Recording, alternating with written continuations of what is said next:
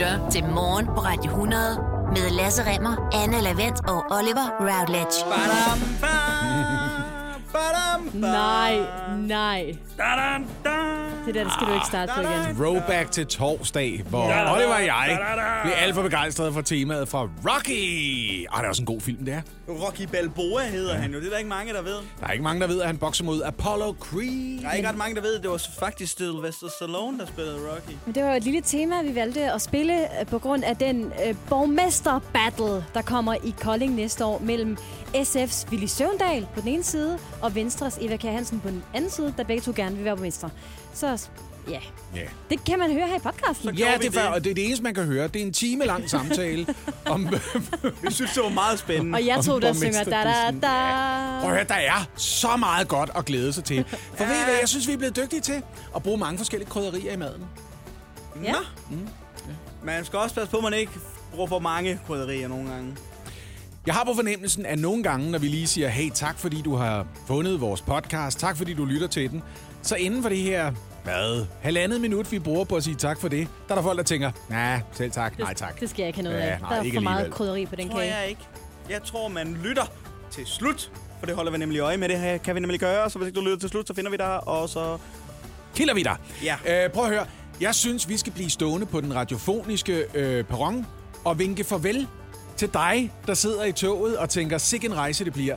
Heldigvis er jeg fremme om et sted mellem 4 og 5,5 kvarter. Ja. Så øh, god Er det rejse. det? Skal vi ikke sige mere? Nej, Nej, det tror jeg, vi har sagt Hold op. Oliver. Ja. Hold op. Nyd podcasten. Nu siger, nu, de voksne siger vi lige farvel, ikke? Ja. GG, homie. Hej. God fornøjelse. Vi bliver nødt til at tale om et emne, som har fyldt rigtig meget i medierne og hos befolkningen de seneste uger. Nemlig den her debat om, hvorvidt omskæring af raske drengebørn skal forbydes. Ej, mand, folk kommer op og skinne som det, du. Er også det, der kaldes rituel omskæring. Og det er en bemærkelsesværdig diskussion, tænker jeg, fordi det er måske den enkeltsag rent politisk, hvor der er det største gab imellem et flertal hos befolkningen og et flertal i Folketinget. Det er sådan noget, seks ud af syv danskere, der bare mener, at omskæring af, af drenge skal forbydes, og man skal være mindst 18, eller i hvert fald 16, før det er rimeligt at begynde at træffe den beslutning. Og det er jo bestemt ikke første gang, at den her øh, debat kører rundt omkring, både øh, blandt øh, befolkningen og også i medierne.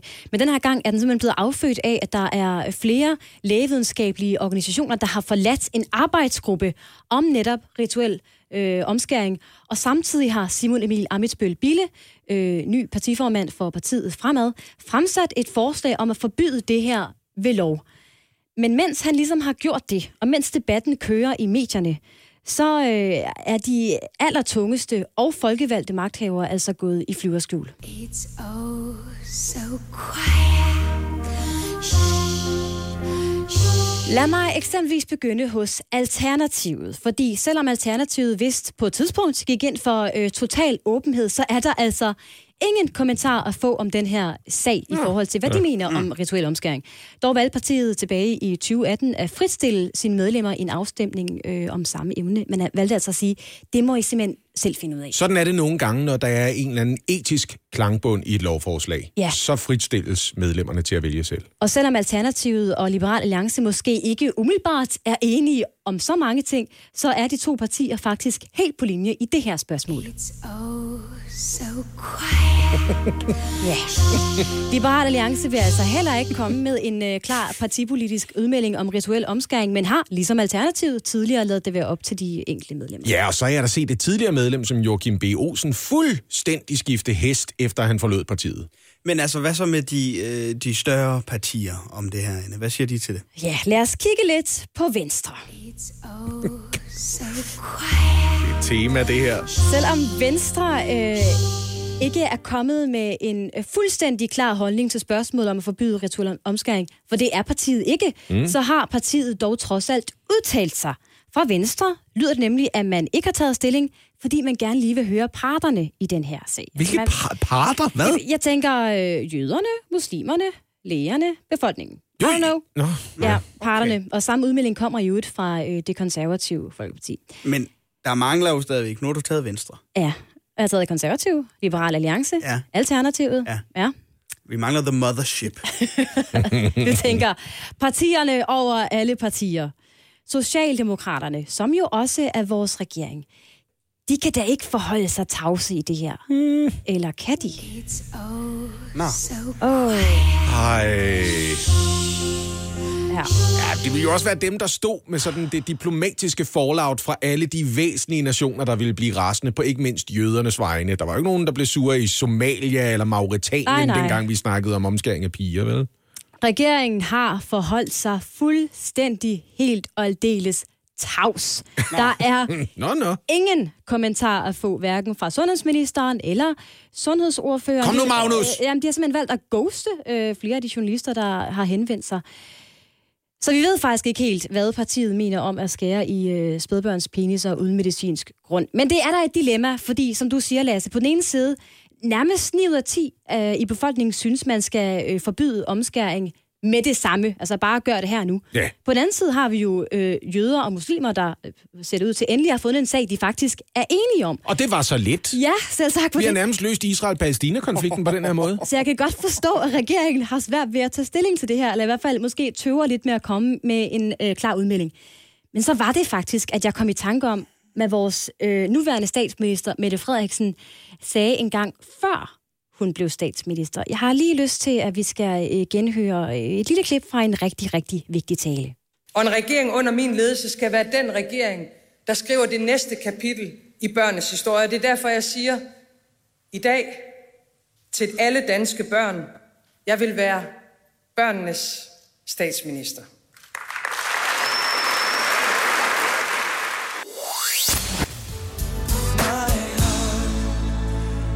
Altså, jeg er godt klar over, at det lyder sådan lidt ikke hovedorienteret, det jeg har lovet jer, at jeg godt øh, vil tale om i dagens udgave af det, du ikke vidste, du gerne vil vide. Men, altså, jeg lov... Nej, jeg tør faktisk ikke love jer noget som helst overhovedet. Morgen på Radio 100 præsenterer Det vidste du ikke, du gerne vil vide lige til at sige, jeg, jeg lover jer, at det her det på en eller anden måde vil være noget, der får jeres... Men det tror jeg faktisk ikke nødvendigvis, det vil. Prøv at høre. I ved, hvem William Shakespeare er, ikke? Ja. Jo. Uh, William Shakespeare er måske den største dramatiker nogensinde. Det er i hvert fald det, vi er blevet enige om at kalde ham, sådan i det hele taget. Uh, han var den omtrent første i sin familie, som kunne læse og skrive. Sådan. Det kunne hans far ikke, for eksempel. Hans far satte bare ligesom et kryds, når han skulle skrive under. Hans far, John Shakespeare. Jeg elsker hans far John. Ja. William lyder på en eller anden måde kultiveret og så videre. I hvert fald mere end Billy eller Bill, som man også kunne have kaldt ham. Men John Shakespeare, ikke? Som ikke er familie med John Hitler, hvis der er Nej. nogen, der skulle være i tvivl. Øh, nej, men han lærte aldrig nogensinde hverken at læse eller skrive, og det var faktisk heller ikke strengt nødvendigt for den store brede del af befolkningen, Nej. dengang tilbage i 1600-tallet. De leder af at bruge deres hænder. Men se, så skulle man jo tro, at Shakespeare som den mønsterbryder, han var, ligesom gav sine øh, nyfundne kompetencer videre og sagde, det her det er altså vigtigt at kunne. Det har virket godt for mig. Jeg tror, folk vil tale pænt om mig i fremtiden. Det har han måske ikke vidst i sin samtid nødvendigvis. Men måske jeg også lige skulle sørge for, at resten af min familie øh, også øh, øh, kunne det her. Det kunne de ikke, viste sig så. Øh, William Shakespeare, han fik blandt andet et par døtre, øh, Susanna og Judith, som de to hed. Og den almindelige overbevisning, det er, at Susanna og Judith, hans døtre, William Shakespeares døtre, de kunne heller ikke læse og skrive. Nå, Nej, det var der ikke nogen grund til, at de lærte. Hvad skulle de bruge det til? Altså, den ene af dem kunne skrive... Øh, Susanna kunne lige skrive en underskrift. Hun kunne lige skrive sit navn. Det var det, hun kunne arbejde med. Men hun forstod ikke rigtigt, hvad bogstaverne nødvendigvis betød. Hun har lige lært nok til bare at skrive Susanne Shakespeare. Lav den her krusedulle, Nej, så er men du skrevet under. De skulle da heller ikke komme, og de jo lige våge på at finde på noget, der var bedre end det, som han havde lavet. Jo. det er da meget smart. Så da vi gik i dag og sagde, ham William, han var god, men Susanna Shakespeare, og kæft, hun skrev nogle gode ting. Han kunne nogle ting, ikke? Men det er stadigvæk vanvittigt, hvor lidt det betød at kunne læse og skrive for den store brede befolkning, fordi de ikke rent faktisk skulle bruge det til vanvittigt meget. Det er noget, som først for alvor er, altså er steget i værdi, i takt med, at vi for eksempel er blevet et videnssamfund sidenhen. Men på Shakespeares tid, der var det usædvanligt, at en ganske almindelig borger kunne læse og skrive. Men der er jo også noget af det der med, at der er jo mange forældre, der har lyst til at give deres håndværk videre til børnene, ikke? Altså, mm. min far, han har altid haft en drøm om, at jeg skulle lære at spille guitar, fordi det kunne han også. Men den drøm har Shakespeare, Shakespeare så ikke haft. Han har tænkt, det er vigtigt, at du kan sy og lave mad, eller hvad man Ja, lavede som hvad, film hvad han nu har ment? Jeg ved, der er lavet en film for nylig, hvor Kenneth Branagh, den store Shakespeare-skuespiller, spiller Shakespeare selv, og den handler sådan ligesom om hans familieliv og tiden efter de største succeser, hvor han ikke rigtig vidste, hvad han skulle stille op med sig selv. Mm. Øhm, så der kan man måske blive en lille smule klogere på, hvordan den dynamik i det hele taget fungerede.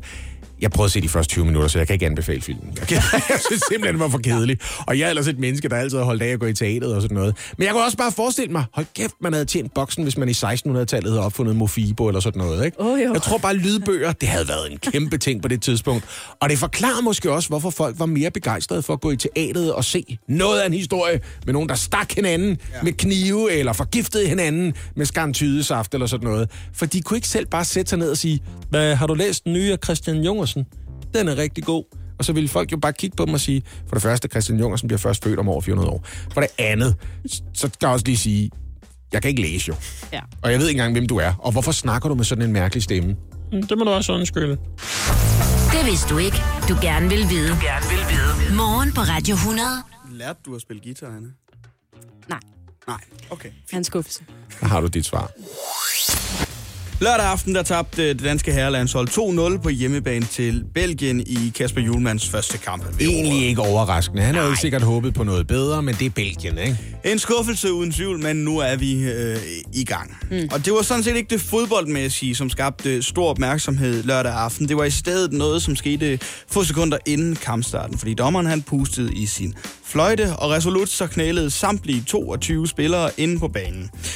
Og at knæle i en fodboldkamp, det er blevet en fast del af fodbolden, i hvert fald i de store ligaer, siden den genopstartede efter corona. Et symbol på organisationen Black Lives Matter-bevægelsens kamp mod racisme og diskrimination. Og det er en sag, som kun har taget øh, fart i sportsverdenen sportsverden efter politiets drab på George Floyd. Det er ligesom i køvandet på hele alt det, mm. at man er begyndt at gøre det fast til Premier League-kampe og så videre. Men man kunne forestille sig, at det også var en solidarisk måde at vise, at man ikke vil finde sig i hooligans og deres tilråb og kasten med, hvad ved jeg, frugt og alting på banen og den slags. ikke? allerhøjeste grad. En tydelig stillingtagen, som siger, ved I hvad, I kan pisse af, fordi vi står sammen om, vi synes, I er idioter, hvis I gør det. Ja. Så det er ikke sådan, I bare kan udse jer bestemte spillere og råbe af dem. Og det var både de danske og de belgiske spillere, der ligesom var enige om at knæle Ja. før kampen. Okay, ja. Ja, det er også meget godt, de lige får det øh, koordineret, Ja. for ellers kan man lige en kæmpe idiot, hvis man tænker, hvad, laver, hvad laver la- Nå, Nå, det skulle vi også have gjort. Okay, det havde jeg ikke hørt om. Men det var sådan set også øh, det, der sådan lidt var øh, gangen til det her, fordi allerede i sidste uge, så blev det altså meldt ud, at øh, da- danske landshold havde, at øh, i samarbejde med de engelske spillere forud for kampen, som spilles i morgen, at man vil øh, blive enige om at gøre det her inden Okay. kampstarten. Ja. Og i lørdag der meldte Belgiens landshold så ud, vi har også tænkt os at knæle inden kampen i dag. Og Ja, så derefter- står dan- danskerne ligesom og tænker, så, Så- så så- tror jeg også, vi ja. gør det. Ja, og derefter så meldte DBU ud med, ud med det samme, at det gør vi også til den her Ja. kamp. Ja, ja. Mange mener, det er det rigtige at gøre og vise støtte og respekt til kampen imod racisme, og så er der dem på den anden side. Og på den anden side, der står blandt andet DF's Morten Messerschmidt. Morten Messerschmidt, han mener, at øh, sammen med en del, bred, en del, del af befolkningen, at hvis man skal tro øh, diverse kommentarspor på de sociale medier, at landsholdet med den her aktion kommer til at splitte mere, end de kommer ja. til at samle. Altså, jeg synes jo, hvis man lige kan holde for eksempel Messersmith ud i strakt arm. Jeg synes jo, der, der hvor jeg vil være bekymret som landsholdsspiller, ikke, det er in for penny, in for pound. Hvis du skal knæle for Black Lives Matter, så skal du også lige tænke på, hvordan du har tænkt dig at håndtere en slutrunde i Katar. Mm. Det, det er vi- den du er simpelthen nødt til at tage stilling til, hvad er det politiske efterslæb på, at tusindvis af, af arbejdere ansat på slavelignende vilkår har bygget de stadions, du skal ned og spille kampe på. Fordi det slipper du ikke for at tage stilling til. Lige ud så siger Morten Messersmith, landsholdet risikerer at blive en splitter, og det synes jeg er farligt. Det er meget vigtigt, især i den her tid, at vi har noget, som får lov til at være apolitisk. Der er simpelthen altså en generel frygt for, at landsholdet ved at knæle forud for den her fodboldkamp kommer til at splitte nationen, og at man som landshold skal holde sig politisk neutral og dermed ikke gå ind i sådan en kamp. Men har han så fået nogle reaktioner fra spillerne, eller hvad? Ja, Kasper Schmeichel har været ude og ligesom give et svar på Morten Messerschmidt her. Han siger, vi er imod alle former for diskrimination. Vi tolererer og accepterer det ikke. Det har ikke noget med politik at gøre. Det har noget med humanitære problemstillinger at gøre, sagde Kasper Schmeichel. Okay, men altså er os tre, må jeg godt sige det her på vores vegne, Anne, mm-hmm. så er du nok den, der er bedst opdateret på fodbold sådan i det hele taget. Ja, Så altså, hvad tænker du om sådan en ting, som at der bliver knælet før en landsholdskamp? Jamen, jeg forstår godt, hvorfor nogle folk kan finde det problematisk, at det danske landshold knæler. Men sådan, helt ærligt, de knæler jo ikke for, at de skal gå ud og gøre noget ulovligt, eller farligt, eller opfordre folk til at gøre noget som helst.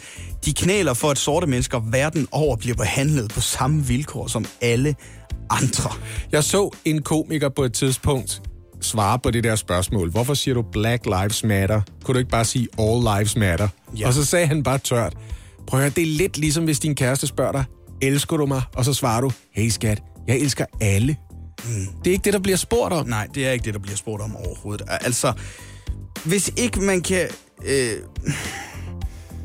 hvis, hvis man synes, det er for meget, at landsholdet de knæler i 10 sekunder inden en fodboldkamp for en sag, som burde være ret let at fatte sympati for, så er jeg bare heller ikke sikker på, at man i det hele taget burde se det, det landshold spille. Altså, så skal man heller ikke synes, at det er fint, at Simon Kjær bærer øh, det øh, regnbuefarvede anførbind de gange, man har gjort det. Men samtidig så, jeg er enig med dig, Lasse. Altså, det er lidt en gratis omgang, i stedet for ligesom at sige, prøv så gider vi heller ikke møde op til VM i Qatar. 100 Altså, procent. De kommer Ja, det- til det at forholde sig til det nu, det her, ikke? Fordi? Ja. nu, er, nu er der en smule politik ind over øh, landsholdsfodbold, og det er okay. Yes. Men altså, du, du har strakt fingeren frem, og der er nogen, der kommer til at hive i den. Det garanterer jeg for. Men vi er alle sammen enige om, at VM i Katar har fra dag et af været et lorte, altså en lorte Ja, ja. beslutning. Det tror jeg ikke, der er nogen, der er uenige i.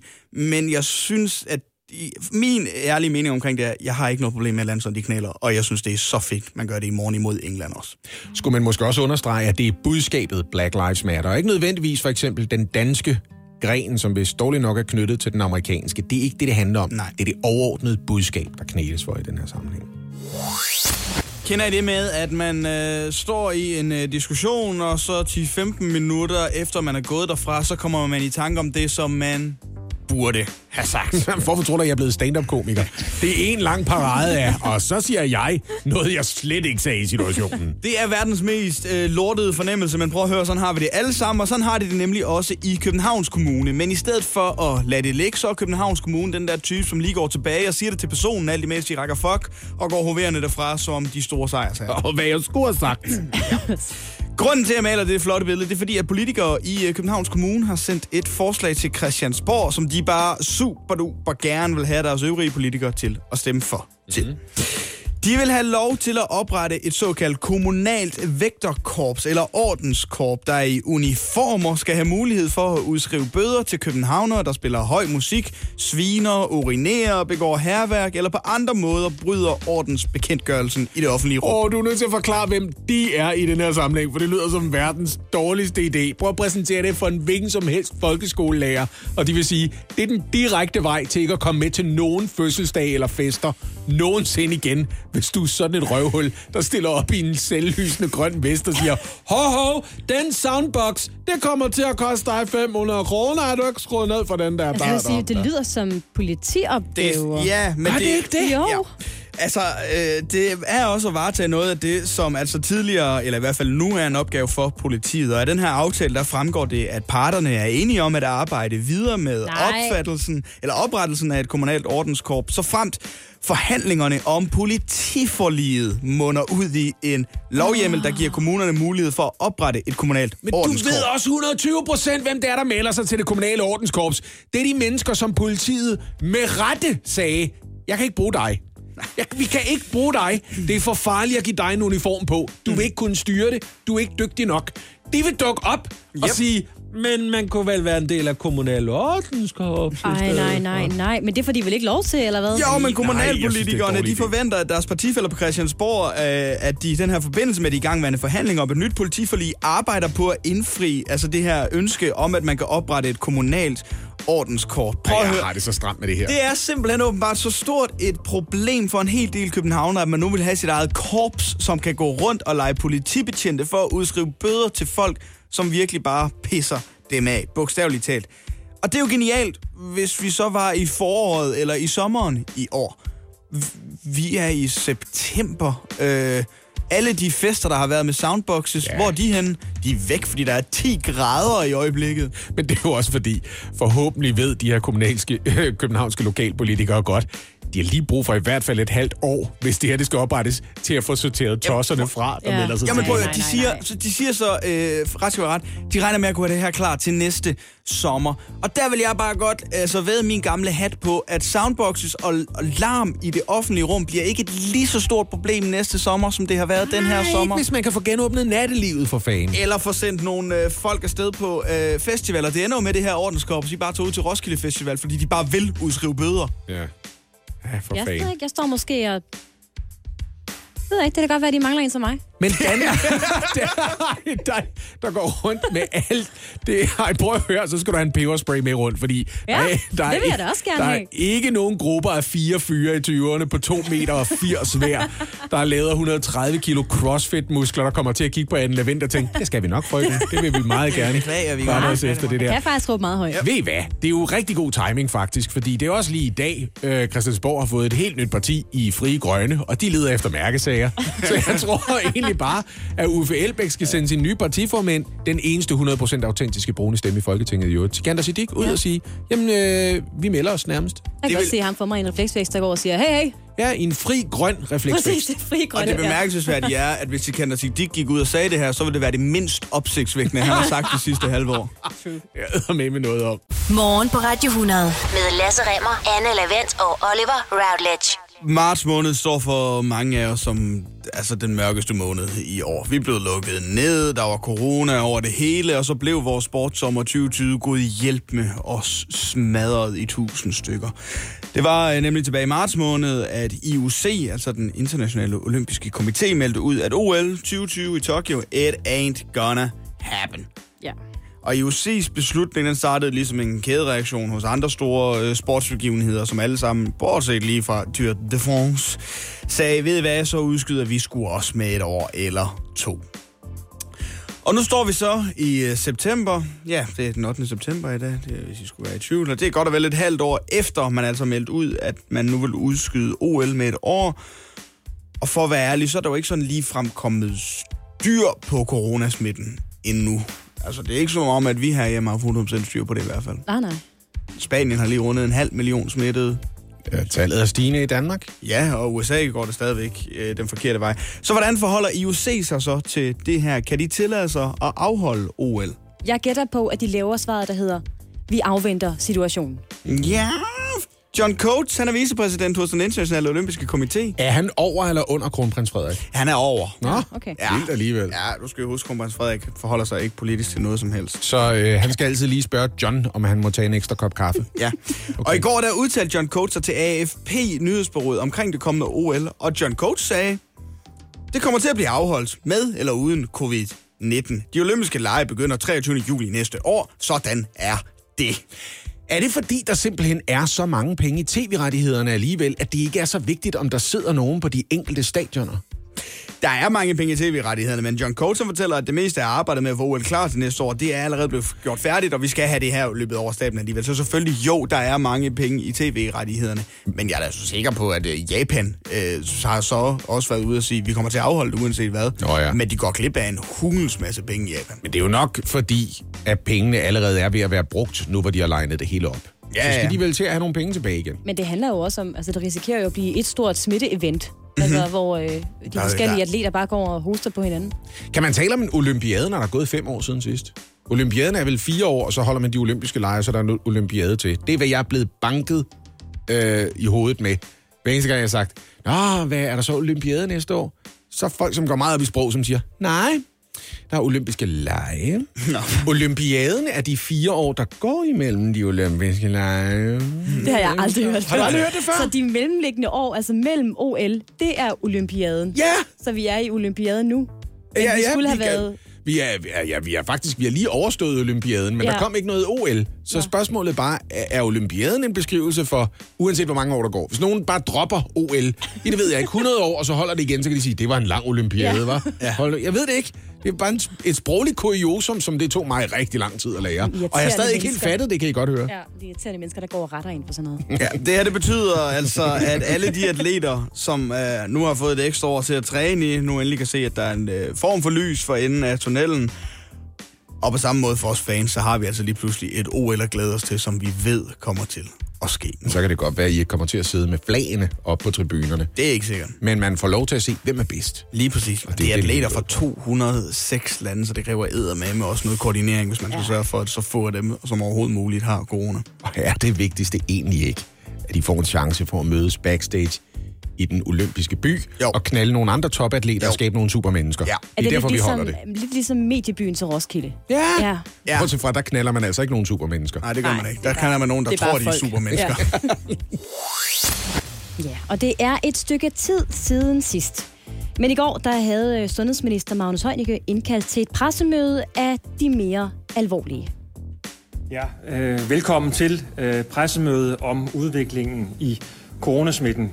Ja, fordi coronasmitten er gået den forkerte vej de seneste dage. Lad mig lige komme med et tal til jer her, Lasse Oliver. I går fik vi en meddelelse om, at der er registreret 230 nye tilfælde inden for et døgn. Wow. Det er øh, på niveau med april måned. Altså, vi skal helt tilbage i foråret for at finde så mange tilfælde i løbet af et enkelt døgn. Og det er altså særligt nogle kommuner, der er hårdt ramt af coronasmitte lige nu. Det er Odense, det er København, og så er det Københavns omegnskommuner. Mm. Albertslund, Storkøbenhavn. Ishøj, Herlev, lige præcis. Alle de her steder øh, omkring København.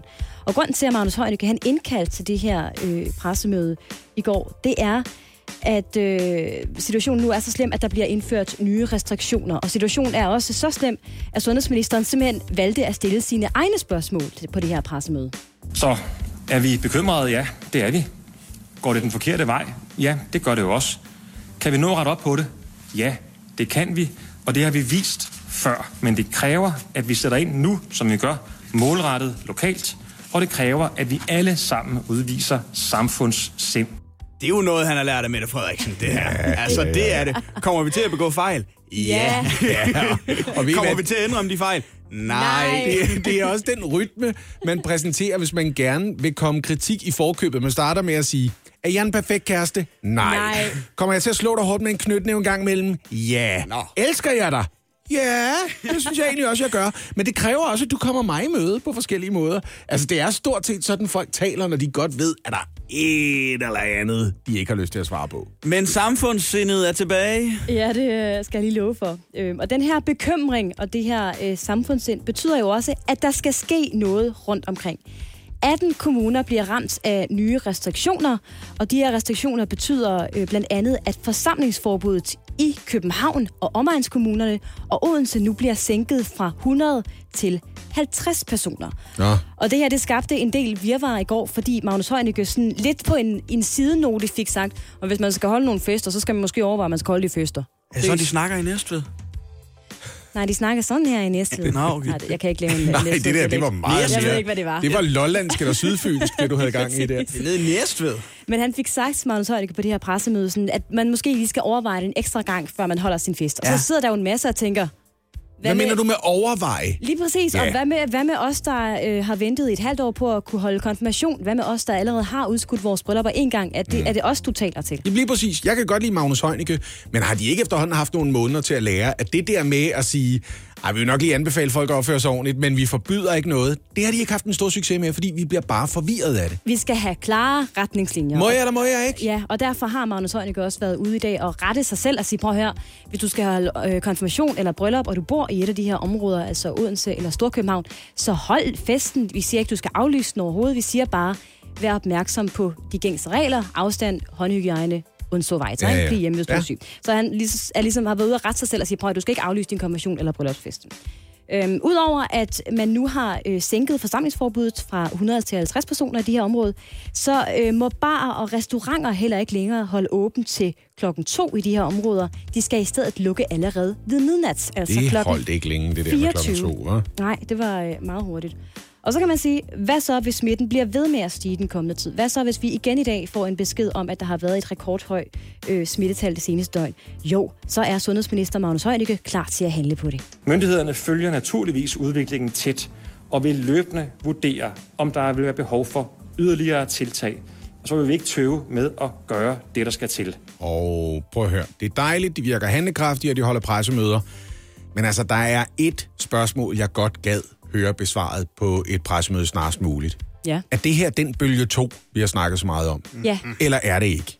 Det er det. Man, man, er sådan, man har lidt på nemt, det går en eller anden altså, op og ned bølgedal. Ikke? Jeg ved ikke helt, hvornår man øh, er i bølge 2. Men i hvert fald restriktioner i visse kommuner, man sætter øh, ind lokalt, eller i hvert fald kommunalt, i stedet for at ramme hele landet. Så øh, lad os følge udviklingen, se hvad der sker de kommende dage. For pokker, altså, øh, jeg er så nervøs for...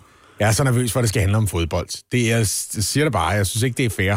Altså, Jamen altså, det er igen blevet den tid på ugen, hvor Anne lidt for begejstret enten råber, yes! Eller også så råber hun med allerhøjeste sandsynlighed, nej! det er nemlig blevet tid til, hvad er det værkvisen? Mine damer og herrer, til rigtig godt imod jeres værd. De er hvad det værd, Kirsten. Her kommer han. Oliver.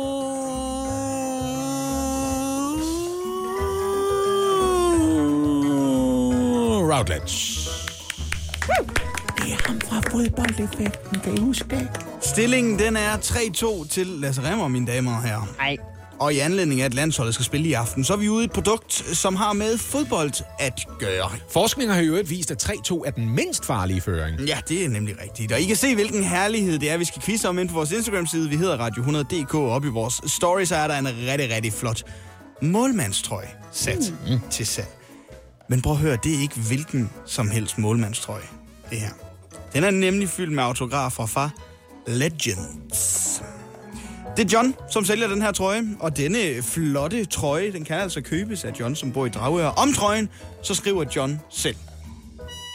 Denne trøje er købt gennem fodboldklubben Sunderland i Okay, 2002, ja. ja. hvor Thomas Sørensen PT var målmand.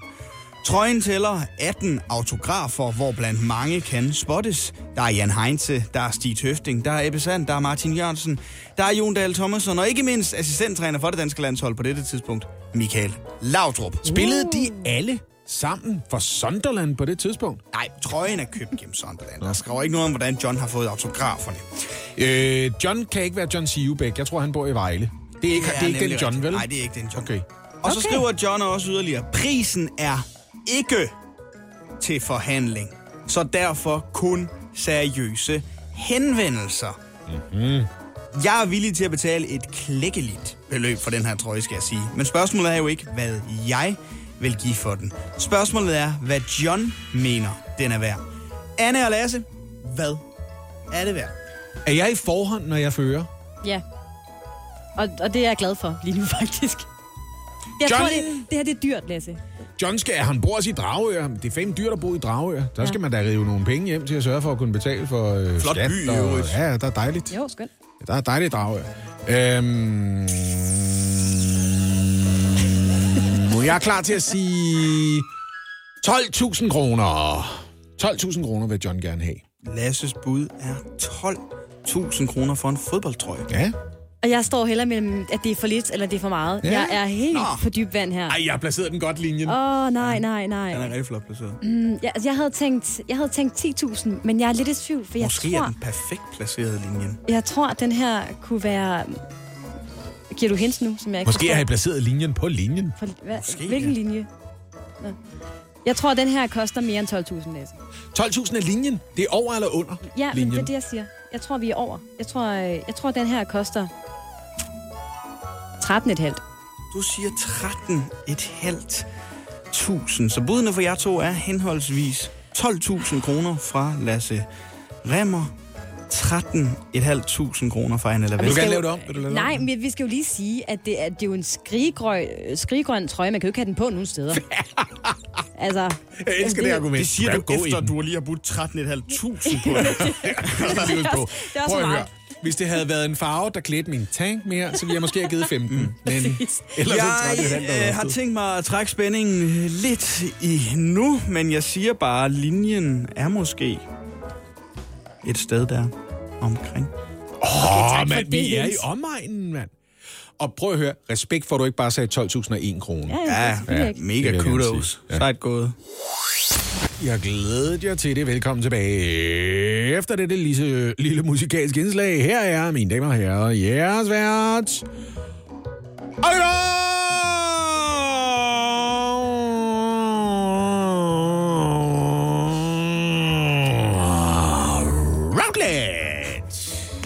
Tusind tak skal I have. Det er Tak for det. Fodboldeffekten. Der er vi kommet tilbage fra vores lille musikalske indslag. Tak til Kygo og Tina Turner for at stille op i programmet her. Ja, halftime show. Det er det, vi arbejder med. Lige præcis. Og vi er jo kommet tilbage til øh, afgørelsens tid. I har skulle gætte prisen på Johns målmandstrøje. som er- Skrigule målmandstrøje. Skrigule målmandstrøje, som øh, har øh, autografer fra diverse legender. Jan Heinz, Stig Høfting, Ebbe Sand, Martin Jørgensen, Jon Dahl Thomasson og Landsholdets assistenttræner på daværende tidspunkt, fordi trøjen er fra 2002, Michael Laudrup, Michael freaking Laudrup, mand. Ja, Det John- er ham med vinfirmaet. Ja. modtog kun seriøse henvendelser på den her trøje. Og det må man sige, I har givet. Jeg synes, vi har været seriøse. Ja, ja, ja. Anne, dit bud, det var 13.500 kroner. Yes. Seriøst bud med en useriøs kommentar om, om trøjen kunne bruges i byen. Ja. Eller hvad var det? Det synes jeg, der er relevant nok. Lasse, dit bud, det var 12.000 kroner. Stillingen er jo 3-2 til dig, Lasse Remmer. Skal vi have en udligning? Trøjen er sat til salg for...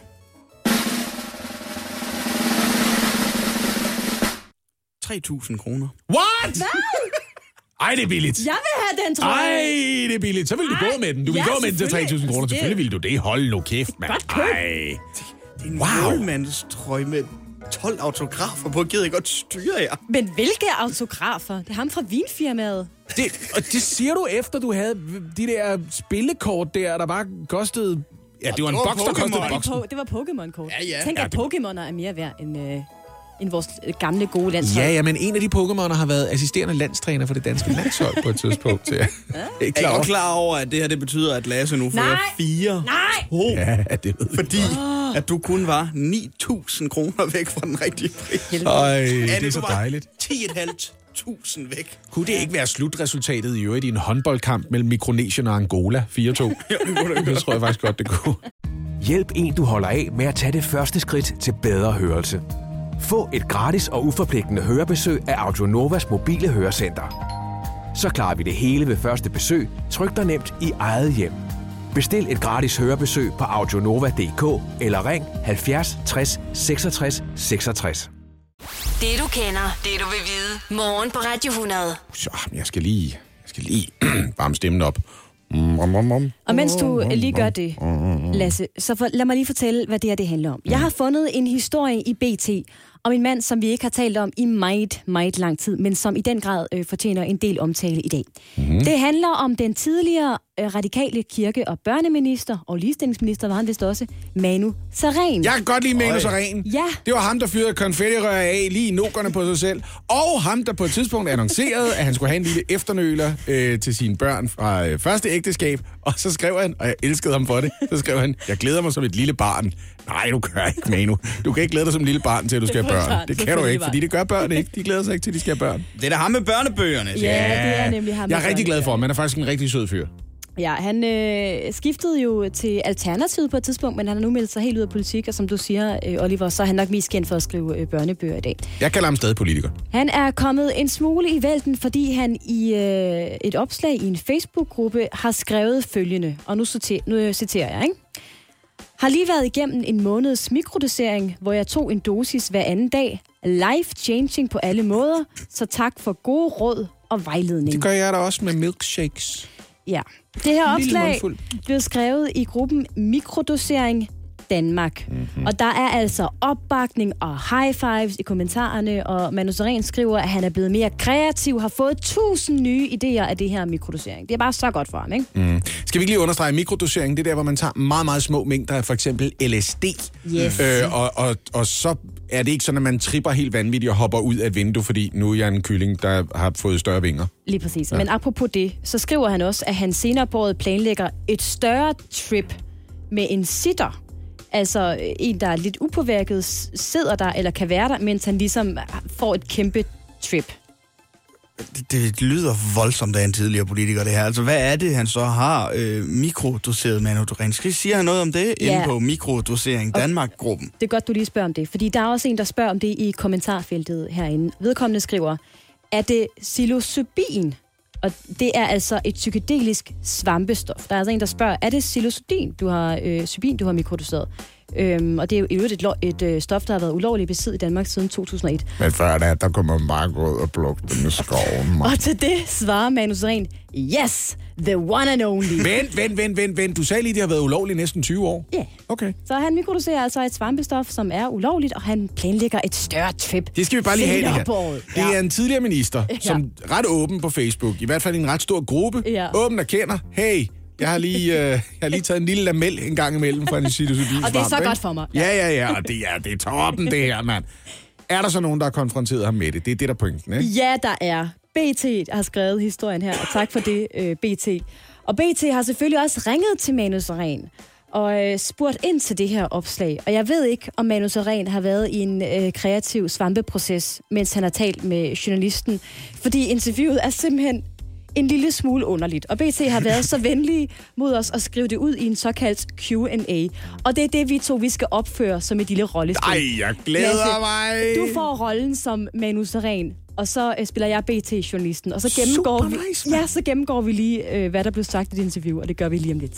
Det du kender, det du vil vide. Morgen på Radio 100. Den tidligere minister Manu Seren, han har i en Facebook-gruppe, der hedder Mikrodosering Danmark, skrevet et opslag, hvor han altså indrømmer, at han har mikrodoseret i en måned, og det har bare været rigtig, rigtig godt for ham. Han har fået tusind nye idéer, og da han bliver spurgt til, om det er psilocybin, som han har mikrodoseret, så svarer han, yes, the one and only. Har han alle sammen gjort i en Facebook-gruppe, som er forholdsvis almindeligt tilgængelig. Selv hvis man skal melde sig ind i den, så er den yes. Yes. altså stor nok til.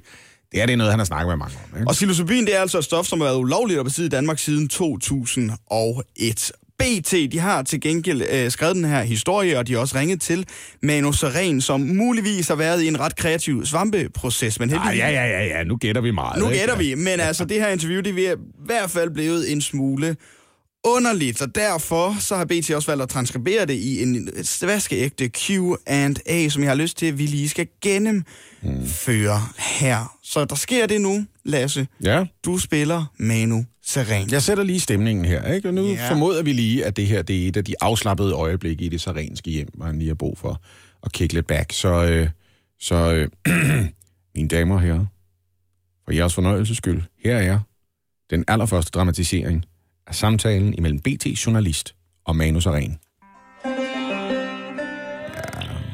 Hej Manu, øh, Anne fra BT. Er det rigtigt, at du har mikrodoseret psilocybin?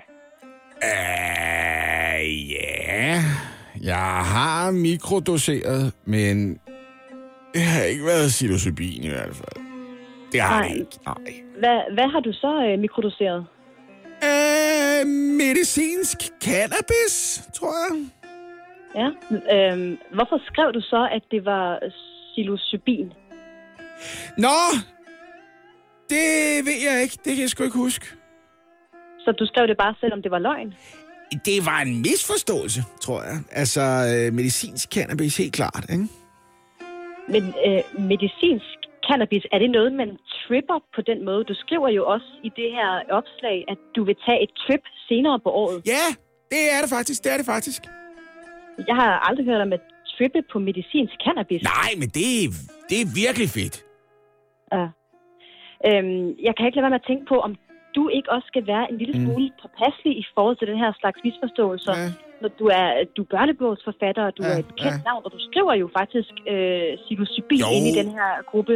Jo, men øh, der skal du på, når folk de skriver til mig privat, så ved de jo godt, hvad det handler om. Ja, men, men altså, kan man ikke sige, at du faktisk blåstempler psilocybin? Ej, altså, nu hvad, synes hvad tænker jeg- du, når jeg siger det? Nu synes jeg ikke, jeg blåstempler psilocybin. Det, det kan godt være, det var en fejltagelse. Jeg har altid været fortaler for medicinsk cannabis. Som du tager et trip på. Ja, jeg synes, det er en fed måde at sige det på. Tag et trip. Det er det, det handler om. Nogle drikker sig stive. Andre tripper på CBD-olie. Det er enormt sejt. Det er enormt sejt. Ja, det, det er enormt lækkert. Altså. Det er kun anden gang, vi lytter til stemmerne i vores hoveder. Det er kun anden gang, jeg har iklædt mig den her meget, meget lidt klædelige sølvpapirshat. Hold op, den klæder. Jeg har det allerede nu sådan, at jeg, altså jeg nyder så meget at have den på, at jeg tror, jeg ved, hvordan det er at være en kvinde, der efter en lang arbejdsdag kommer hjem og tænker, nu er jeg bare mig selv. Og kæft, hvor bliver det rart at få BH'en af. Sådan har jeg det med min hat. Ja. Og skal vi lige oprise, hvad det er, stemmerne i vores hoved egentlig er? Fordi vi trænger jo til lidt frirum i det her program. En kort tid, hvor alle de historier, som vi går og render rundt med op i vores hoved, de kan blive delt, så vi ikke går med de her tanker for os selv. Og derfor så har vi altså fundet på det her indslag, der hedder Stemmerne i mit hoved. Det kunne også hedde, ytringsfrihed gælder faktisk også for mig, eller jeg har min mening. Ja, lige præcis. Anne, jeg synes, du skal starte. Mm. Hvad fortæller stemmerne i dit hoved dig? Jeg er glad for endelig at kunne komme ud med det, Oliver. Stemmerne i mit hoved er ret så overbeviste om, at den der nye Lars Lykkebog, vi alle sammen talte så meget om i sidste uge, mm. i virkeligheden, i virkeligheden er bestilt og betalt af Jakob Ellemann. Han var angiveligt så desperat mm. efter at samle Venstre om et eller andet, at han fandt på, at Lykke skulle skrive den her bog, så samtlige folketingsmedlemmer kunne gå ud med et fælles projekt og undsige Lykke. Det er altså en aftale, som Ellemann og Lykke har lavet for at kunne samle som noget, ikke? Ej, der er ikke noget, der styrker en som en fælles fjende. Præcis, og det var det, de havde tænkt. Til gengæld, så har Ellemann så også personligt købt hele første oplag, så Lykke det mindste kunne tjene lidt penge på at ofre sig på den her måde. det er det, stemmerne siger. Ja, altså det, er, det minder om en teori, jeg havde for et par år siden, ikke? hvor jeg sagde, Israel og Palæstina, de kan simpelthen ikke blive enige, før vi præsenterer en tredje part, som de hader mere end hinanden. Præcis. Og min tanke var, vi sender p-vagterne derned. Ja, præcis.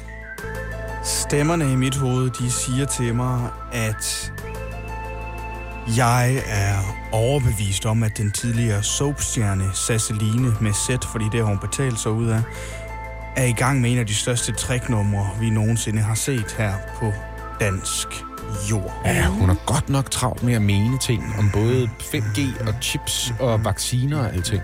Det er også det, stemmerne i mit hoved, de fortæller mig, at man simpelthen ikke kan udtrykke sig på den måde, som Sasseline gør på de sociale medier, uden at det må være en del af et større show. Mm. Så jeg er ret overbevist om, at Sasseline udkommer med en ny single, eller noget, der måske er større end det, fordi man kan simpelthen ikke bare opføre sig på den måde på de sociale medier, og tro, det er sådan, det hænger sammen, mm. uden at det er en del af noget, der er større end Sasseline selv. Jeg kan godt se, hvad du mener, men altså, jeg kommer altså lige med en helt splinter ny coronateori, som jeg er 100% sikker på, at stemmerne i mit hoved har ret i. Det har ikke noget at gøre med kinesiske flagermus. Det var ikke det amerikanske militær. Det er ikke engang et eller andet fupnummer, som er en undskyldning for, at Bill Gates skal have lov til at sprøjte mikrochips ind i os. Jeg ved præcis, hvem det er, der står bag den coronavirus. Jeg har gennemskuddet det nu. Det er Dansk Ejendomsmalerforening. Det er det, det er det. Og, og jeg vil godt bevise det for jer. I løbet af et år, der har det tristeste hjørne det danske boligmarked, det danske ejendomsmarked, nemlig sommerhusene og fritidshusene, de lige pludselig fået en vanvittig, vanvittig optur. 10% prisstigning fra august 2019 til 2020, fordi vi skal holde ferie i Danmark. Alene, alene fra juli til august steg fritids- og sommerhusene 3,5%. Så næste gang, der er åbent hus et eller andet sted, og Jesper Nielsen, ham friskfyren fra de der boligprogrammer, eller hvem det ellers er, der der er med i viser huset sammen. frem, ikke? Mm. Når han viser rundt og siger, der kan I jo se, det er jo dejligt badeværelse, der er plads til, at man lige får sig et ekstra barn på et tidspunkt, det ved jeg, I drømmer om, og den slags, ikke? Og han så lige pludselig siger, ja, vi går ikke ned og kigger i kælderen, der roder lidt. Det er fordi, det er et fucking laboratorium, mand! Han har lavet laboratorium nede i kælderen, og han er i gang med at udvikle et eller andet nyt. Og næste gang, så er det butikslokaler eller et eller andet, der skal stige i pris, mand. Det er Dansk Ejendomsmalerforening, der står bag corona. Det er, hvad stemmerne i mit hoved siger. Mm. Mm. Mm. Må jeg tage hatten af nu? Ja.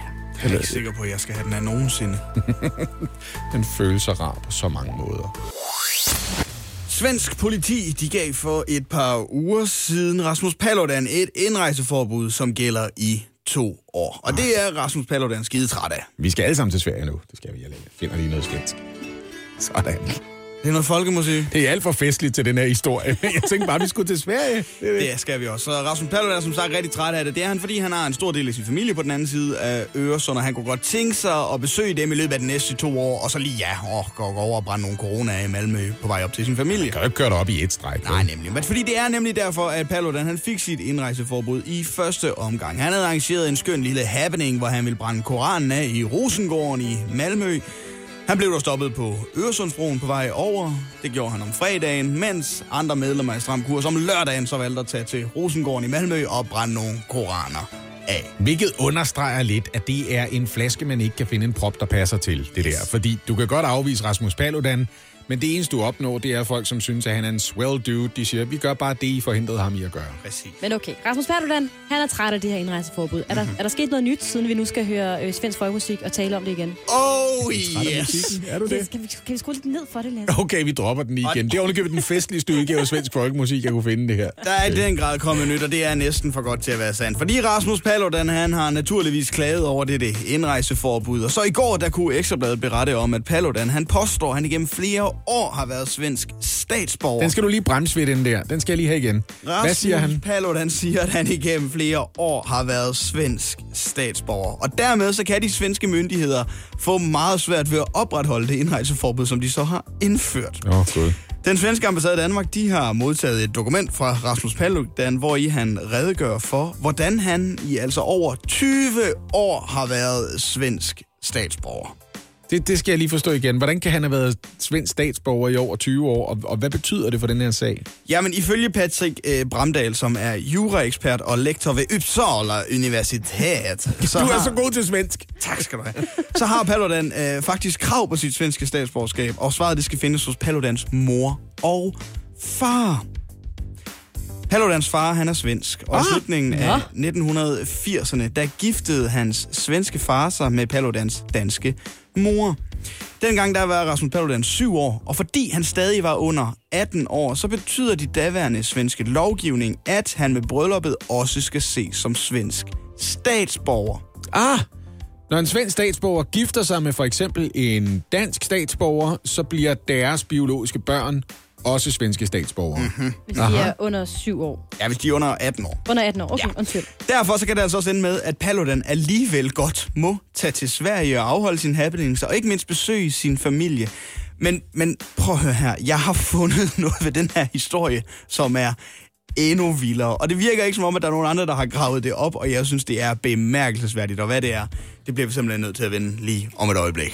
Det du kender, det du vil vide. Morgen på Radio 100. Så han er sur, Rasmus Paludan. Han må ikke komme ind i Sverige, og det synes han egentlig, han burde få lov til. Ja, det er jo, handler jo om Rasmus Paludan, der for lidt tid siden fik det her indrejseforbud til Sverige, som det viser sig nu, at svenskerne kan få enormt svært ved at opretholde, fordi øh, Rasmus Paludan i virkeligheden er svensk statsborger. Det har han været igennem mere end 20 år, fordi hans svenske far og danske mor blev gift i Sverige, da Paludan var under 18 år.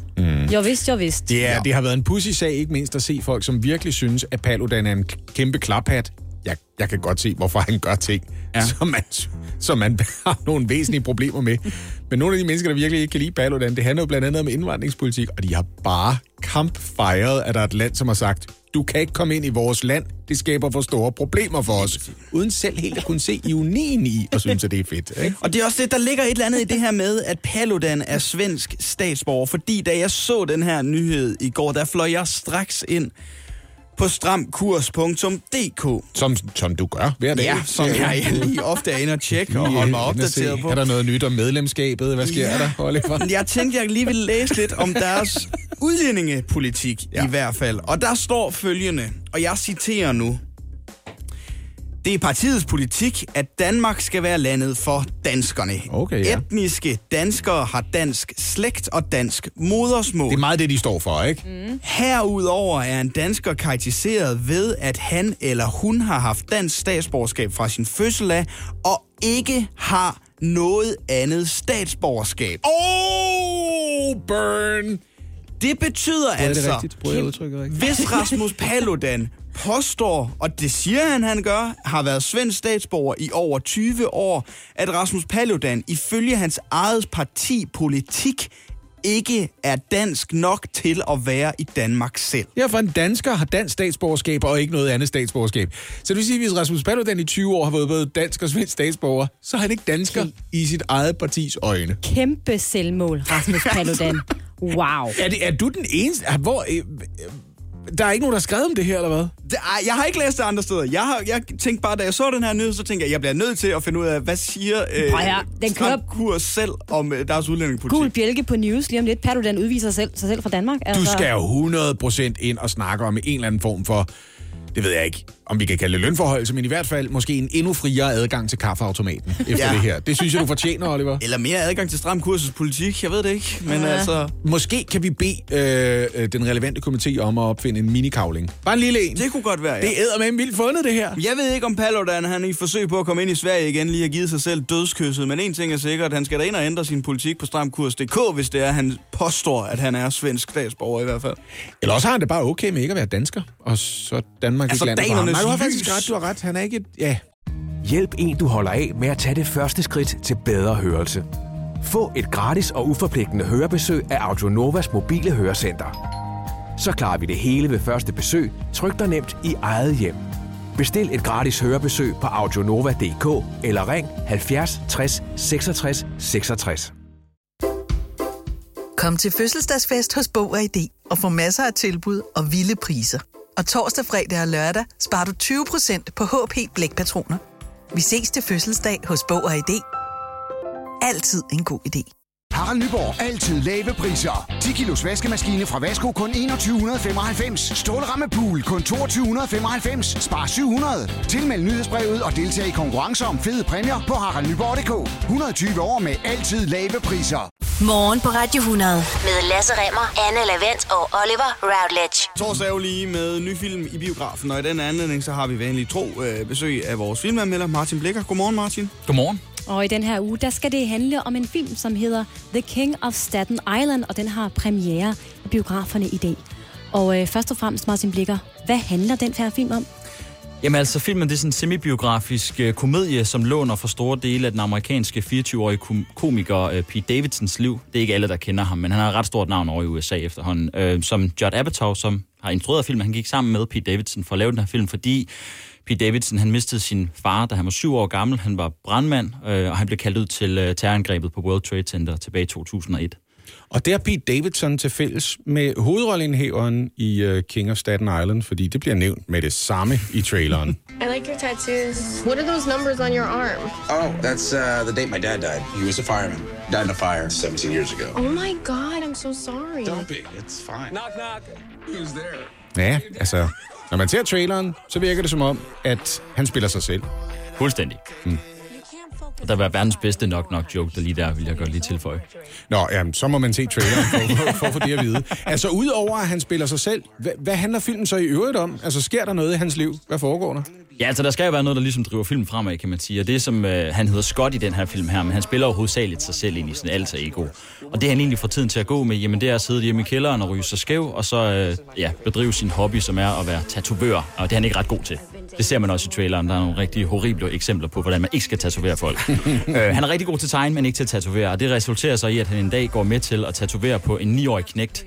Og øh, ja, det leder så til, at faren han bliver rigtig tosset på Scott. Han møder op hjemme foran hans dør og siger, du skal betale regningen for at få fjernet den her tatovering.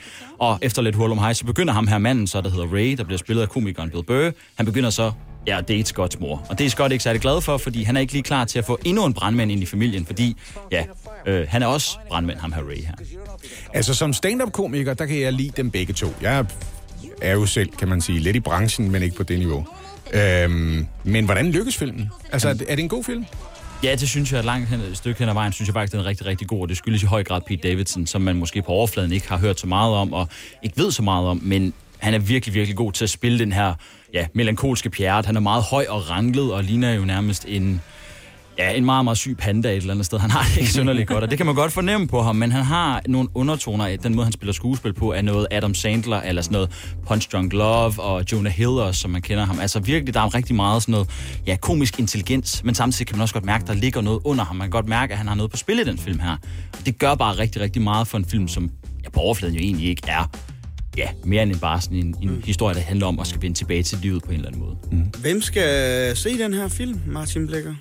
Jamen, det skal folk, der godt kan lide Judd Apatow-film. Det skal folk, der godt kunne lide The 40-Year-Old Virgin, Knocked Up, uh, This is 40. Altså, han har lavet de her typer af film før. Det her med at gennemgå kriser. Ja. Det her med, hvordan man godt må tage pis på de ting, som virkelig går ondt nogle gange. Til trods for, at han også nogle gange har arbejdet med nogle ting, der måske ikke gør så ondt, men stadigvæk bare er noget, der leder til kriser. Så hvis man godt kan lide Judd Apatow, og man godt kan lide at få et godt grin, så skal man se den film her. Fordi den er sjov en stor del hen ad vejen. Der er mange, der ryger sig skæve i Judd Apatow-film, synes jeg. Han har arbejdet meget sammen med Seth Rogen, og Seth Rogen er skæv i næsten alle sine film. Ja, han opdagede faktisk Seth Rogen, så det er jo vanvittigt nok. Men også det der med, hvis man godt kan lide Judd Apatow, det der med, at han er meget glad for impro-comedy i sin film, så derfor ser man også meget håndholdt. Fordi det er den bedste måde ligesom at klippe tingene sammen på. Så de får bare lov til at sidde ligesom at jamme og komme med de mest absurde ting, de nu kan sige, og så bliver det klippet sammen i filmen. Og det gør, at man får nogle meget reelle komiske momenter, hvor det, sådan, altså, det føles ægte.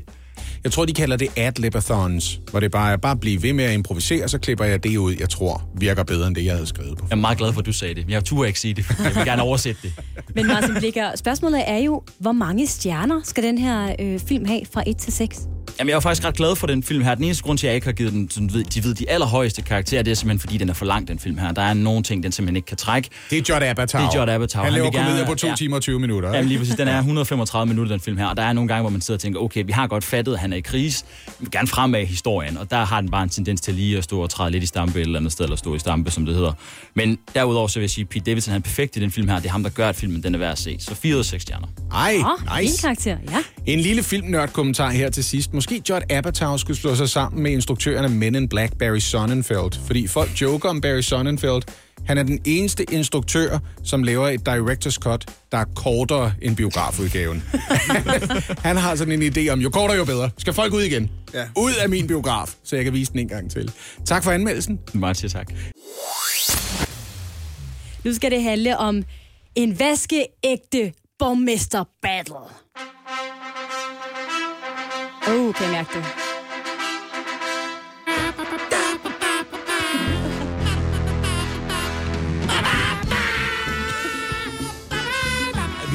Vi lytter. Anne. Det er godt. Det gør, jeg, des- det gør jeg desværre også. Prøv at høre. Vi skal til Kolding Kommune. Oliver? Skru lige ned for ham. Ja, gider du det? Og det skal vi, fordi Kolding Kommune er åbenbart en utrolig attraktiv by at blive borgmester i. Mm. Ja. Det er jo sådan, at øh, den mangeårige og nuværende borgmester, Jørgen Pedersen, har valgt at stoppe. Han siger, jeg kommer ikke til at stille op til næste kommunalvalg, som jo er øh, næste år. Og dermed er der en ledig borgmesterpost i en af landets største byer. Fedt. Og det har landets politikere fået øje på. De har tænkt, åh, oh, det er da en gunstig post, en Ja. attraktiv chance at få ja. her i mit øh, politiske karrieres efterår. Mhm. Vi havde for et par uger siden øh, snakken om, at Willy Søvndal ville gå efter borgmesterposten I want to be the borgmaster of Kolding. of Kolding Commune. Præcis. Vi har allerede hæftet os ved, at tager man sådan lidt nordpå på Sjælland, så finder man Benedikt, Benedikte Kær op omkring Helsingør. Ikke? Jo, jo, Ja, lige ja. præcis. Men nu er der altså en udfordrer til Willy Søvndal. What? Mine damer og herrer. Hvem skal han slås imod? Må jeg præsentere Venstres Eva Kær Hansen. Ja! Men det, det er ikke nu. Hun har simpelthen øh, valgt at sige, jeg kunne da godt tænke mig at skifte min folketingsplads ud med en borgmesterpost i Kolding Kommune. Og det er jo sådan, Eva Kær, hun er i Folketinget for Venstre, har været det i utrolig mange år.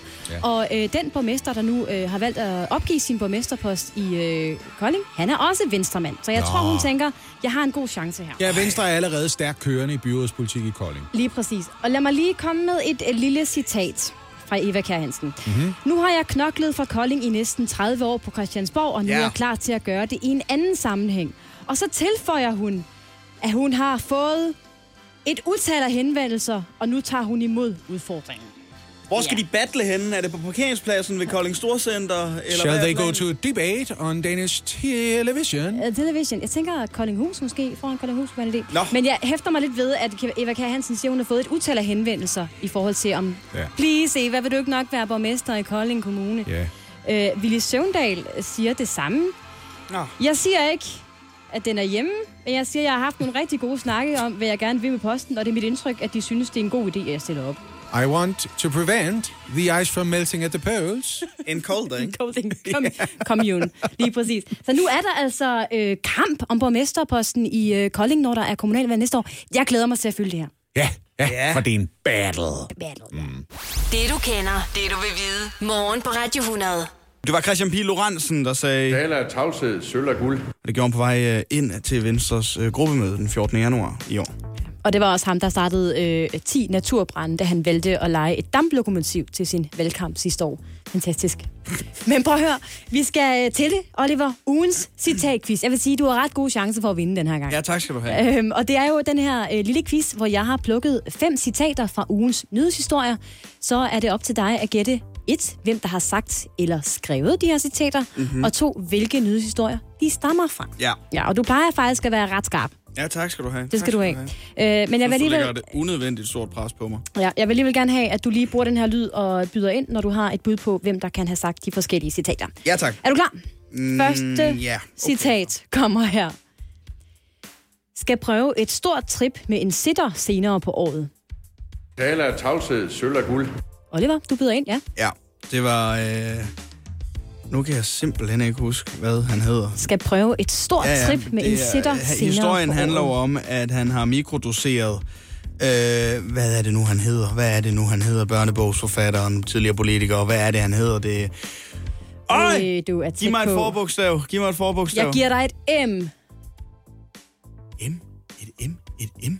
Manu Seren, det er Manu Seren. Det er nemlig Det er Manu Seren, der har sagt det. Fuldstændig korrekt. I anledning af, at han har mikrodoseret øh, et ulovligt øh, svampestof, som har været, eller det har været ulovligt siden 2001. Ja. Psilocybin, Psilocybin, som er et ja. psykedelisk svampestof. Ja. Det er okay, du kan huske det. To point i det første citat. Tak, klaret, Oliver. tak, tak, tak. Vi skal til det næste. Vi skal placere os til venstre for enhedslisten, altså endnu længere ude.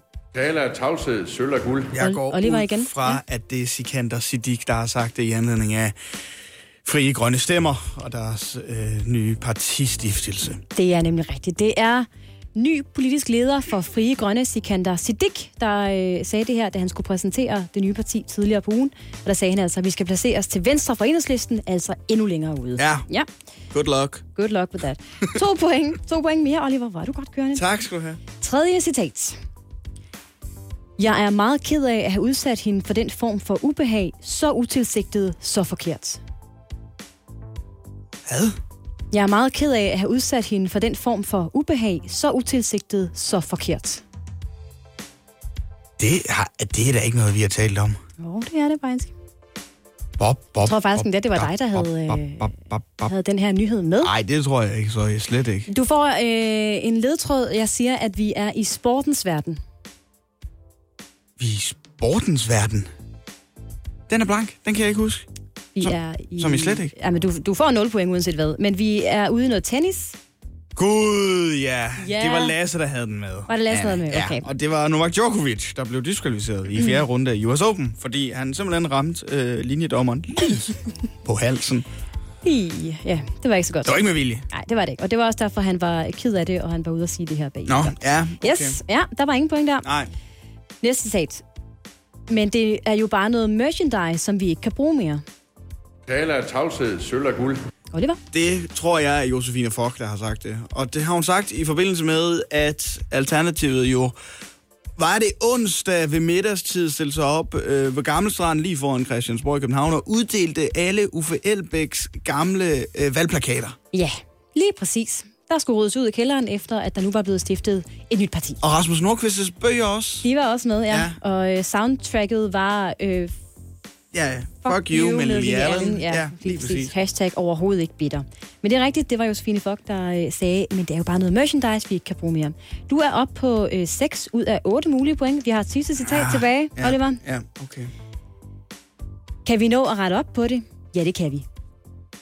Tale af tavshed, sølv og guld. Det er et sats. Ja. Men det er jo det her med at stille spørgsmål til sig selv, og øh, Danmarksmestrene i det, og så svare selv på spørgsmålet, det er jo Socialdemokratiet. Så jeg går ud fra, at det er Magnus Heunicke, der siger det her, og det sagde han på det pressemøde, som han indkaldt til, var det tirsdag kl. 14, Ja, som jo handlede om coronasituationen i Danmark. det er nemlig fuldstændig korrekt. Sådan. Ja, 2, 4, tak. 6, 8 point ud af 10 mulige. Det er da ret godt, faktisk. Det synes jeg den også, det er jeg tilfreds med. Djokovic. 8 ud af 10, der var lige den, ja, med Djokovic som, øh, som svipsede. Betyder det, at jeg har vundet? Du har vundet. Og så vil jeg bare sige, øh, har du været god til at følge med i ugens nyhedshistorier? Ja, det har du. Tak skal du have. Det er jo som nævnt weekend lige om lidt, og hvis du sidder og har lyst til at kaste dig ind i en god gammeldags Facebook-debat med caps lock og hele pivetøjet, så har jeg øh, et bud på to historier, du kan vælge at kaste over. Og lad mig præsentere øh, det lille indslag, jeg har valgt at kalde for Shitstorms-nyt. Jeg har lige tilføjet sådan lidt lyden af storm jo, bagved. det, det synes jeg, vi, så- vi stopper der. Ej, er jeg synes, det er ret godt. Jeg kalder det bare Shitstorms-nyt. Den Det er storm. Nå, det storm, okay. Den første øh, shitstorms historie stammer fra Ekstrabladet, Ja, der har skrevet en artikel om øh, Venstres EU-parlamentariker Morten Lykkegaard. Han rejser øh, af gode grunde på grund af sit arbejde en del frem og tilbage mellem Danmark og Bruxelles. Og det, den her øh, shitstorm handler om, er, at han åbenbart er fuldstændig ligeglad med myndighedernes anbefalinger i forhold til karantæne. Fordi Belgien er øh, ret hårdt ramt af corona lige nu, og Belgien er et af de lande, som man bliver anbefalet at øh, gå i 14-dages karantæne, når man rejser hjem fra. Men det gælder ikke, hvis man er EU-parlamentariker eller hvad? Åbenbart ikke, fordi øh, det, som Ekstrabladet har skrevet en historie om, er, at Morten Lykke, Lykkegaard simpelthen er rejst direkte fra øh, Bruxelles hjem, og så taget ud for at spise pizza på en restaurant i København. Altså, ja. han, har, han, har simpelthen, han har simpelthen dokumenteret sin rejse, og hvor det ret så tydeligt fremgår, at han ikke har valgt at gå i karantæne i 14 dage, selvom han er kommet hjem fra et ret hårdt coronaland. Ikke? Nej, Oliver. Hvad er hans forklaring så på det her? Kan jeg se, du står og brænder for at få Ja, tak. Han siger til Ekstrabladet, at han har taget en coronatest i lufthavnen. Så da han ligesom landede, så gik han hen og blev testet, og så tænkte han, det er fint nok. Classic. Ja, men øh, så spørger Ekstrabladet-journalisten jo, øh, jamen du er blevet testet, men du er jo ikke blevet testet negativt. Du har ikke fået svar, Nej, Morten der Lykkegaard. går lige et stykke tid, så god er verden ikke, at man øh, tryk, kan trykke på en knap, og så kommer der et øh, svar ud. Og så spørger øh, EB-journalisten helt konkret, hvordan skulle det hjælpe at tage en test, hvis den så viser sig at være positiv, og du går ud og spiser pizza anyway? Så siger Morten Lykkegaard, jamen det må vi så se, om den er. Men jeg har den holdning til de her ting, at det er mere effektivt at lade sig teste, end at afskære sig selv i 14 dage fra overhovedet at gøre noget som helst ved at være i karantæne. Velkommen til Folkevalgt. shitstormen. Folkevalgt politiker. Morten Lykkegaard, lige præcis. Ja. Jeg vurderer, at han får en lidt hård weekend. Den anden politiker, der også har røget ud i en uh, shitstorm, det er SF's Pia Olsen Dyr. Og det er en historie, vi har hørt før. Fordi hun har i overvis været en af dem, der har udtrykt bekymring for, at flere vælger folkeskolen fra. Så nu har hun selv valgt at sende sit barn på privatskole her efter sommerferien. Lad mig lige komme med et citat fra Pia Olsen Dyr, som hun tidligere har, øh, har sagt. Ikke?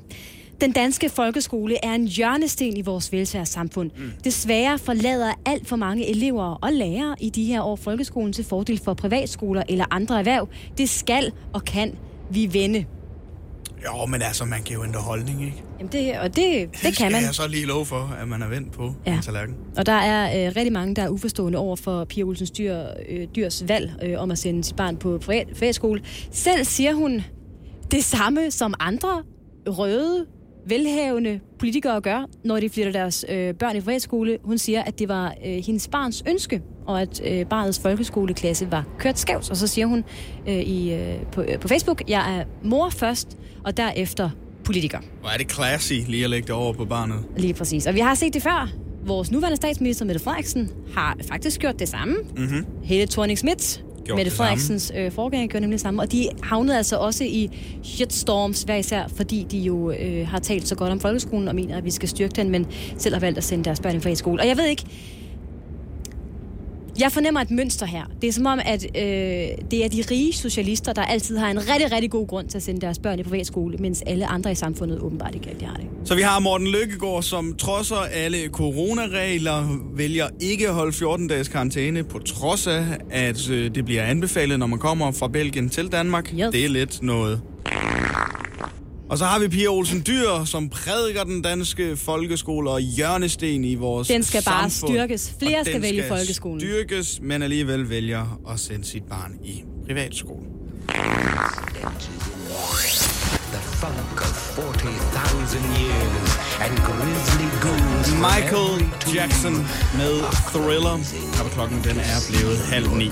Hvis du drømmer om at se en tiger eller en flodhest i deres naturlige habitat, så kan det måske snart være sidste chance. En ny rapport fra Verdensnaturfonden står i hvert fald fast, at klodens bestand af vilde dyr er faldet med næsten 70 procent siden 1970. Godmorgen til dig, Bengt Holst. Godmorgen. Du er videnskabelig direktør i Københavns Zoo. Bengt hvad er din umiddelbare reaktion på budskabet i den her rapport fra Verdens Naturfonden?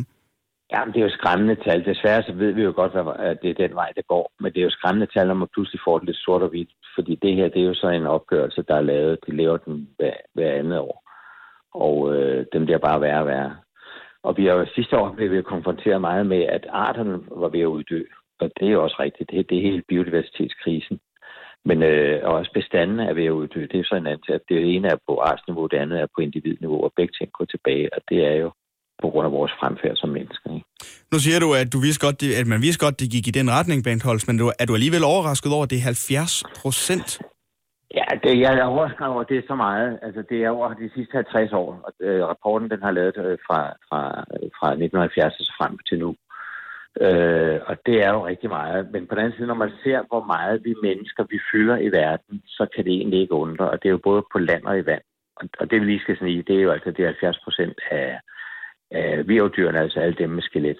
Mm. Altså fugle og patdyr og krybdyr og padder og fisk. Og nu er du selv lidt inde på det. Du nævner menneskets adfærd. Er det vores skyld, at antallet af vilde dyr skrumper så, øh, så hurtigt? Ja, det er det. Altså, vi har speedet processen op til mange, mange gange. Øh, og det gør vi ved den fremfærd, vi har. Altså, vi, har, vi, er, vi, vi tager ikke højde nok for, at der er andre levende organismer på den jord end os selv. Og vi, vi øh, udnytter ressourcerne, og vi sker i landskaberne, og vi ødelægger øh, levestederne i en grad, der gør, at andre organismer end os selv, de forsvinder. Og det er den, hele det der koncept, vi skal have lavet om på. Det er hele den der tankegang, man skal lave om på, at vi bliver nødt til at tage hensyn til, der er også andre levende organismer end os selv. Og det er ikke for at redde menneskeheden som sådan, for vi kan sagtens leve et godt stykke ud over, at vi har udryddet en masse af de andre. Men simpelthen af respekt for andet liv på jorden end, end vores eget liv. Og kan du blive lidt mere konkret på det? Altså, hvad er det, vi skal holde op med, som vi åbenbart har gjort siden 1970? Jamen noget af det, man gør meget, det er altså, nogle af dem, der er hårdest ramt af den her tilbagegang, det er jo de ferske vande, og det er jo fiskebestanden øh, i de her ferske vande, og det er meget forurening, og det er udtørring af fiskevand. Vi har jo kæmpe søområder, kæmpe vådområder, der er blevet tørret ud, fordi man har drænet, man har brugt vandet i produktion af forskellige dele til, til, øh, til vores velfærd. Bare sådan noget som bomuld, det tager jo enorme mængder af vand. Øh, så for at beskytte os, eller hvad skal vi sige, for at, at få et godt liv til os mennesker, og endnu bedre og endnu bedre, så udnytter vi ressourcerne i en grad, som ikke tager højde for, at der skal også være noget til vores efterkommere, der skal også være noget til generationerne, der kommer efter os. Så det er noget med forurening, det er noget med at skære skovområder op i en masse små lavkagestykker, sådan, altså fragmenteret landskab, som man kalder det, altså en masse små stykker, som ikke i sig selv kan bære en dyrebestand. Så man ødelægger de store sammenhængende leve, leveområder. Og det er noget med at lave øh, en masse af vores øh, natur til meget ensartet kultur, altså som vi har i landbrugsområder, hvor det er enten kornmarker eller olivenmarker eller noget, hvor det er den samme afgrøde hele tiden. Og det giver altså ikke særlig gode levesteder for en masse dyr. Så det er alle de der, og så er det klimaforandringerne selvfølgelig. Klimaforandringer de, med den her opvarmning, der sker, det betyder jo enormt meget for det liv, der er udviklet på jorden til det klima, vi havde før. Og det, livet er egentlig vant til at omstille sig til klimaforandringer, men det sker over meget længere periode, end det, der sker for øjeblikket, hvor vi har øh, hvad hedder det, fået klimaforandringen til at ske med en meget hurtigere hastighed. Det kan naturen slet ikke nå indstille sig på. Bengt Holtz, jeg kan ikke lade være med at tænke på, altså, hvordan ender det her? Altså, bliver det sådan, at vi om nogle år ikke længere kan se elefanter eller øh, giraffer i deres naturlige omgivelser? Mm, ja, hvis det her får lov at fortsætte, så bliver det sådan, og hvor længe det så tager, det kan man ikke sige noget om. Øh, men, men der er ingen tvivl om, at vi bliver nødt til at gribe, politikerne bliver nødt til at tage det her alvorligt, og politikerne bliver også nødt til, og det gælder over hele verden, at indse, at det at redde naturen, det at tage hensyn til naturen, det koster altså penge. Man kan ikke sige, at man skal lave en masse fin naturgenopretning, men det må ikke koste penge. Det nytter ikke noget. Man bliver nødt til at acceptere, at vi skal lægge om vores livsstil, og vi bliver nødt til at acceptere også, at øh, vi, når vi laver øh, udvikling af vores eget samfund, så bliver vi altså nødt til at gøre det med respekt for, at der er andet liv omkring os, der også skal overleve. Så er det budskab i hvert fald givet videre. Tusind tak for din tid, Bengt Holst, videnskabelig direktør i Københavns Zoo her til morgen. Det var en øh, fornøjelse. Velbekomme. Godmorgen. Det her er Radio 100 med Lasse Remmer, Anne Lavendt og Oliver Routledge.